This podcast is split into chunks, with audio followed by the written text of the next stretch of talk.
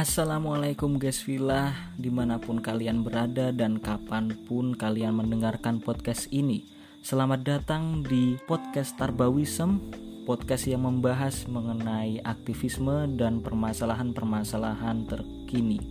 Kali ini um, aku akan membahas mengenai kebahagiaan yang otentik dari seorang muslim. Belakangan ini uh, ramai perbincangan tentang kotak makanan cepat saji yang diberi harga dengan tidak biasa dan orang-orang rela antri berjam-jam untuk mendapatkan kotak makanan cepat saji tersebut. Yang sebenarnya kita bisa mendapatkan itu dengan cepat asal kemasannya berbeda.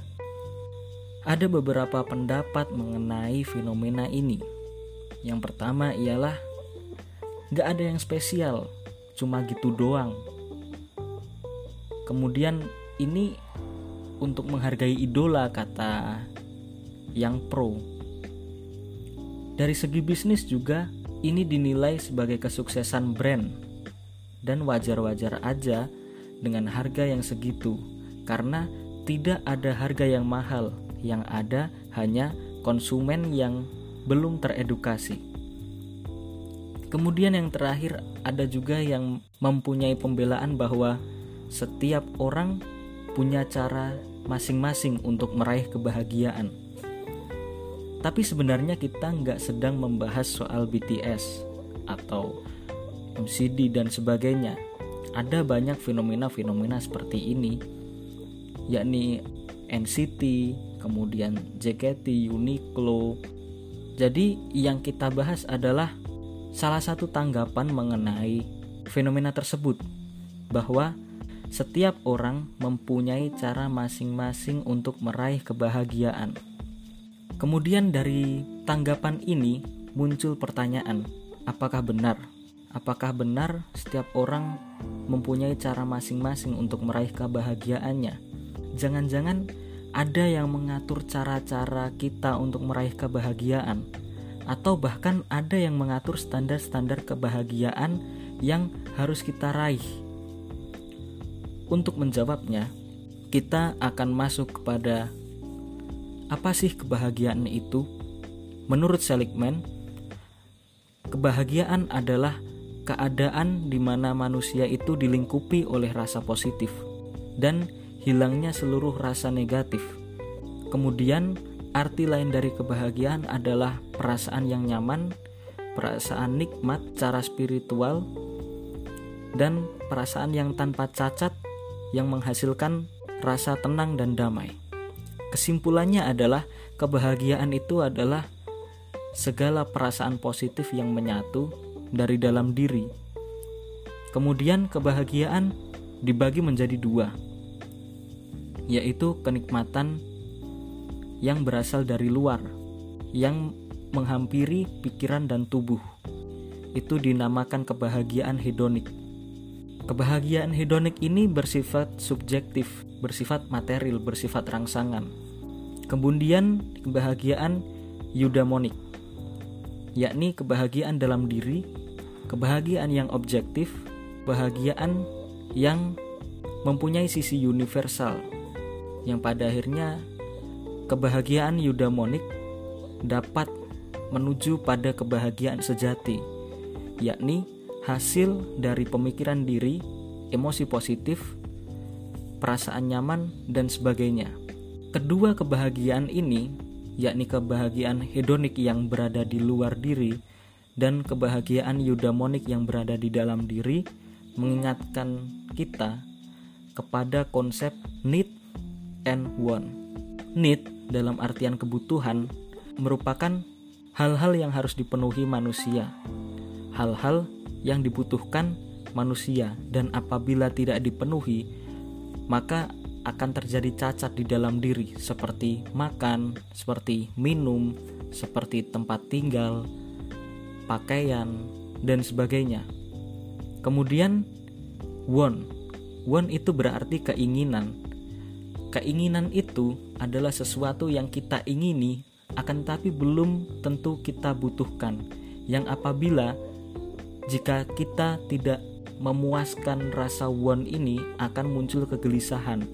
Misal need-nya itu makan, tapi want-nya itu sate. Ketika kita tidak makan sate, kita tetap bisa memenuhi need, tapi kita tidak bisa memenuhi want. Yang sebenarnya want itu bisa diatur oleh setiap manusia. Kemudian dari kedua konsep tersebut, kapitalisme tidak memisahkan need dan want. Bagi kapitalisme, keduanya merupakan need, keduanya merupakan kebutuhan, keduanya merupakan sesuatu yang perlu diselesaikan kepuasannya. Dampak dari pemikiran tersebut adalah segala keinginan harus dipuaskan, kemudian segala keinginan harus difasilitasi oleh pemilik produksi, dan segala potensi yang akan menjadi keinginan juga harus jadi barang produksi yang pada akhirnya terdampak konsumerisme. Segala hal yang menjadi bibit-bibit keinginan manusia, yakni pengakuan ya, atau ketakutan, insecure, kepuasan diri, dan reproduksi, itu di kita menginginkan untuk pengakuan diri. Entah itu ketika kalian ingin dicap sebagai anak yang gaul, maka kalian akan membeli jeans dengan harga yang mahal atau kalian akan membeli baju branded agar masuk ke circle orang-orang gaul agar identitas kegaulan kalian dapat dibuktikan atau ketika kalian ingin menjadi seorang aktivis misal kalian ingin dianggap sebagai uh, seorang yang jihadis maka kalian akan membeli sial Palestina atau kalian akan membeli peci atau kalian akan membeli gamis kalian akan membeli hijab yang panjang. Konsumerisme kalian difasilitasi oleh pemilik produksi. Selain itu ketakutan. Misal kalian takut di jalan akan dicelakai seseorang maka kalian akan membeli taser gun, kalian akan membeli baton besi, kalian akan membeli alat-alat self defense lainnya. Atau ketika kalian takut mendapatkan nilai buruk, kalian akan berusaha keras untuk mencari les-lesan terbaik, kalian akan berusaha keras untuk mencari bimbel terbaik dan kalian akan membayar berapapun agar tidak dimarahi oleh bapak kalian begitu. Atau mengenai insecurities. Kalian insecure dengan wajah kalian yang jerawatan, yang banyak bekas jerawat. Kalian insecure dengan badan kalian yang gemuk, dengan badan kalian yang terlalu kurus. Sehingga kapital-kapital itu memfasilitasi produk-produk kecantikan, obat penggemuk, obat pengurus, obat peninggi, obat pembesar, dan obat-obatan lainnya. Kemudian dengan keinginan reproduksi manusia, para kapital-kapital itu akan memberikan kalian hiburan-hiburan yang menarik dalam artian dewasa atau kalian akan membeli baju yang paling menarik agar dapat menarik perhatian lawan jenis dan sebagainya. Semua hal ini bermuara dari satu konsep materialisme, yakni kebahagiaan seseorang dapat diraih secara materi. Kemudian, bagaimana sih kebahagiaan dalam Islam itu? Yang pertama, kita harus kembali kepada tujuan manusia. Tujuan manusia di Al-Qur'an yakni ber, untuk beribadah kepada Allah. Wa ma khalaqatal jinna wal insa illa liya'budun. Apa itu ibadah? Menurut Sayyid Kutub, ibadah itu merupakan kondisi di mana manusia sebagai seorang hamba dan Allah sebagai zat yang memiliki hamba tersebut, yakni kondisi kita sebagai abdi, di mana pun itu, kapan pun itu, itu adalah ibadah.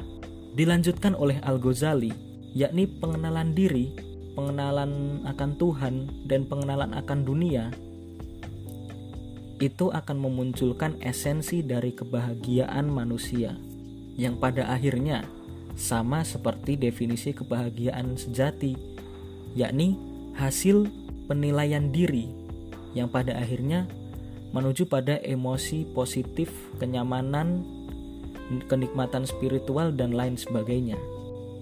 Hamka berpendapat bahwa kebahagiaan juga dapat ditemukan di dalam diri kita masing-masing. Jadi, bukan kebahagiaan yang ditemukan dari luar, karena kebahagiaan yang ada dari luar yang kita terima adalah kebahagiaan-kebahagiaan yang semu dan kebahagiaan yang abadi merupakan kebahagiaan yang ada di dalam diri kita. Kesimpulannya adalah ibadah dapat mencegah kita dari eksploitasi kapitalisme.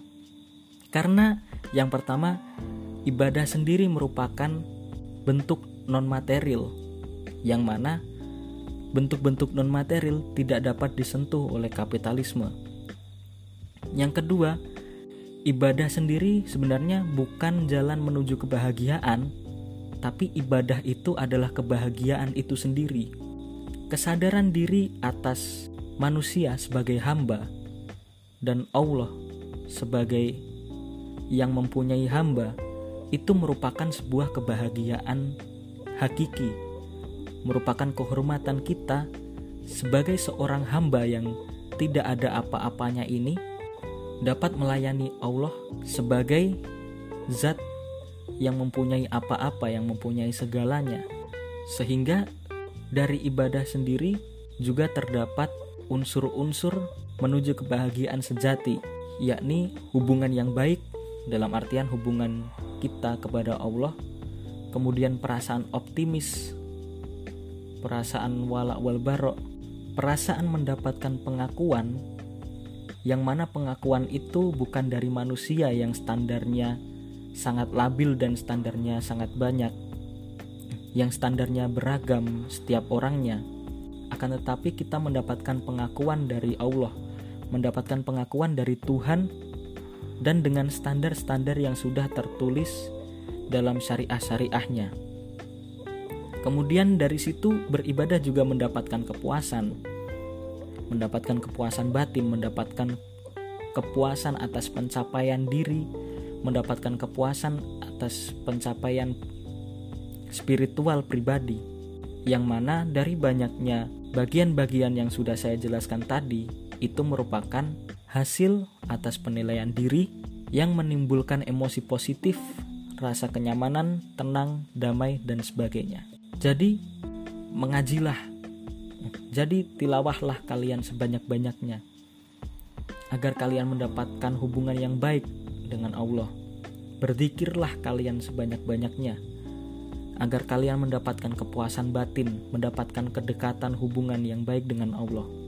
Bersedekahlah karena kita seorang hamba. Bersedekahlah karena itu adalah kebahagiaan tersendiri seorang hamba yang mampu melaksanakan kewajiban-kewajiban pemiliknya. Kemudian bertebarlah di muka bumi, berikan segala kebaikan. Karena dengan mengenal dunia, menurut Al-Ghazali kita dapat menemukan kebahagiaan. Terima kasih telah menyimak podcast Tarbawisem kali ini sampai selesai. Apabila ada salahnya, saya mohon maaf. Dan apabila ada kebaikannya, semoga menjadi kebaikan kita bersama. Assalamualaikum.